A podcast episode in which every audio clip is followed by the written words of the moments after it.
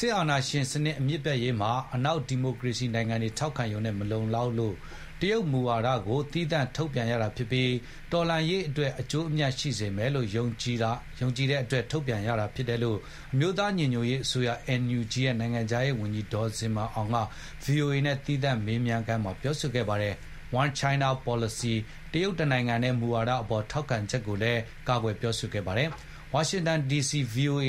စတူဒီယိုထဲမှာ ဒေါ်ဇင်မာအောင်ကို VOA ဝိုင်းတော်သား ကိုငြိမ်းချမ်းအေးကသီးသန့်တွေ့ဆုံမေးမြန်းချက်ထဲကတချို့ကို ကောက်နုတ်တင်ပြလိုက်ပါတယ်။ NUG ကထုတ်ပြန်ထားတယ်ပေါ့နော်ဝန်ကြီးတို့ဌာနကထုတ်ပြန်ထားတဲ့တရုတ်နိုင်ငံ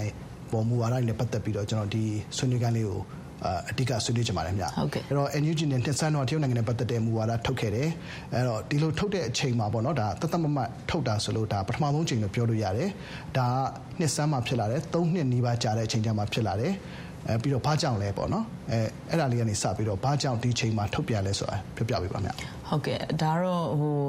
ပြည်တွင်းမှာရှိနေတဲ့နိုင်ငံရေးရဖြစ်ပေါ်တိုးတက်မှုတွေစီရေးရဖြစ်ပေါ်တိုးတက်မှုတွေနဲ့အတူကျွန်တော်တို့နိုင်ငံတကာဆက်ဆံရေးအထူးသဖြင့်တော့အိန္ဒိယချင်းနိုင်ငံတွေနဲ့ဆက်ဆံရေးဒေသတွင်းနိုင်ငံတွေပေါ်မှာထားတဲ့သဘောထားပေါ့နော်ဒါတွေကိုကျွန်တော်တို့လည်းပြန်ပြီးတော့ဟို alignment ပြန်လုပ်ရတာတွေရှိပါတယ်ဆိုတော့တကယ်တကယ်ကကြတော့အိန္ဒိယချင်းနိုင်ငံတွေနဲ့မူဝါဒနဲ့ပတ်သက်လို့2021ခုနှစ်ကျွန်တော်တို့နှစ်ကုန်ပိုင်းလောက်ကတခါထုတ်ဖူးပါတယ်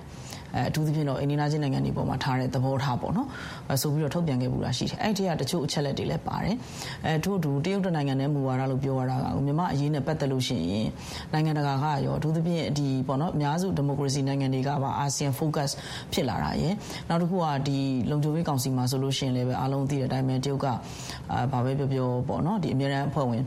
နိုင်ငံဖြစ်တယ်ဗီဒီယိုပါဝါပိုင်းနဲ့နိုင်ငံတနိုင်ငံလည်းဖြစ်တယ်ပေါ့နော်ဆိုအဲ့တော့အားလုံးကိုခြုံငုံပြီးတော့မြေပြင်ရဖြစ်ပေါ်တိုးတက်မှုတွေရောနိုင်ငံတကာမှာရှိနေတဲ့အခန်းကဏ္ဍတွေကိုချိန်ဆပြီးတော့ကျမတို့ရဲ့ geographical location အရလိုအပ်လို့ကျမတို့ထုတ်ပြန်ရခြင်းဖြစ်ပါတယ်ဟုတ်ကဲ့ဗျဒီမူဝါဒထဲမှာတရုတ်တပြည်တော်မူဝါဒကို NUG အနေနဲ့ထောက်ခံတယ်ဆိုပြီးပြောထားတယ်ပေါ့နော်ဒီအပေါ်မှာတချို့ဝေဖန်ကြတာရှိတာပေါ့နော်ဥပမာဆိုရင်ဒီဟောင်ကောင်တို့ထိုင်ဝမ်တို့ကဒီကျွန်တော်တို့2021 February နောက်ပိုင်းမှာလူဦးဒေါ်လာရေးစတော့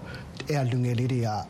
ဒီလှုပ်ရှားမှုမှာဝိုင်းဝန်းပူးပေါင်းပါဝင်ကြတာရှိတယ်ပေါ့နော်အဲ့ပေါ်မျက်ကွယ်ပြူတာရောက်တယ်ပေါ့နောက်တစ်ခုကတော့နိုင်ငံရေးအရဆိုရင်ဒီကိုချမကိုဖန်တီးခွင့်ကိုပိုင်ရက်တီခွင့်ပေါ့နော်လူမျိုးစုတွေအနေနဲ့ရှိရမယ်ဆိုတာမျိုးတွေရှိတယ်ပေါ့တဲ့နိုင်ငံရေးအရလည်းဝိဝါဒကွဲစရာလေးတွေဖြစ်တာပေါ့နော်နောက်တစ်ခုကတော့ခေတ်အဆက်ဆက်ဒီတရုတ်ပြည်မာကြီးကဒီပြည်တွင်းနိုင်ငံရေးပုံမှာလွှမ်းမိုးပြီးတော့ထူးသဖြင့်တော့စစ်ကောင်းဆောင်တွေပေါ်ပံ့ပိုးမှုတွေရှိတော့ဒီပြည်သူလူထုရဲ့အမြင်ကလည်းမကြည်လင်တာရှိတာပေါ့နော်အဲ့တော့ဒီတရုတ်နိုင်ငံရဲ့မူဝါဒတပြည်တော်ရဲ့မူဝါဒအပေါ်မှာဒီလိုမျိုးဝေဖန်ကြတာ ပေါ်ဘယ်လိုပြန်ပြီးတော့တုံ့ပြန်မှတ်ချက်ပြုကြမှာလဲဗျဟုတ်ကဲ့တကယ်ပထမဆုံးအနေနဲ့ကျွန်မအဓိကသတိထားမိတာကကျွန်တော်တို့သုံးတာတရုတ်တပြည်တောင်မူဝါဒမဟုတ်ပါဘူးတရုတ်တနိုင်ငံနဲ့မူဝါဒပါတပြည်တောင်မူဝါဒနဲ့တနိုင်ငံနဲ့မူဝါဒကအတိပ္ပယ်အဖြစ်တော့ကွဲလွဲမှုရှိလိမ့်မယ်လို့ကျွန်မမြင်ပါတယ်အဲ့တော့တနိုင်ငံနဲ့မူဝါဒကိုဆိုလိုတာဖြစ်ပါတယ်ဆိုတော့တနိုင်ငံနဲ့မှာမှ two system ဆိုပြီးတော့သွားနေတဲ့တရုတ်ခေါင်းဆောင်တွေကိုယ်တိုင်ထုတ်ဖော်ပြောဆိုနေတာတွေလည်းရှိသလိုကမ္ဘာနိုင်ငံအများစုပေါ့နော်အများစုကလည်းပဲဒီမူဝါဒကိုပဲလက်ခံကျင့်သုံးပြီးတော့တရုတ်နဲ့ engage လုပ်နေကြတာဖြစ်တယ်ဒါဟာခုနပြောတဲ့လူလူလှုပ်ရှားမှုတွေဒီနိုင်ငံတွင်းမှာမိတင်းနေထိုင်ကြတဲ့လူလူလူလူဒန်းစားအဖွဲ့အစည်းတွေနဲ့မဆက်ဆံဘူးလို့ဆိုလိုတာမဟုတ်ဘူးဆိုတော့ဒီတနိုင်ငံနဲ့မူဝါဒကိုကျမတို့အတိမတ်ပြုပြီးတော့ဆက်သွယ်ဆောင်ရွက်တဲ့ဟာတွေကတော့သူ people to people relation နဲ့ engagement ပေါ်မှာအခြေခံသွားမယ်ဆိုတာလည်းကျမတို့နောက်တစ်ပိုင်းမှာပါပါတယ်ကျမတို့ကြီးညာချက်ထဲမှာဆိုတော့ဒီကြီးညာချက်တဲ့တစုံလုံးက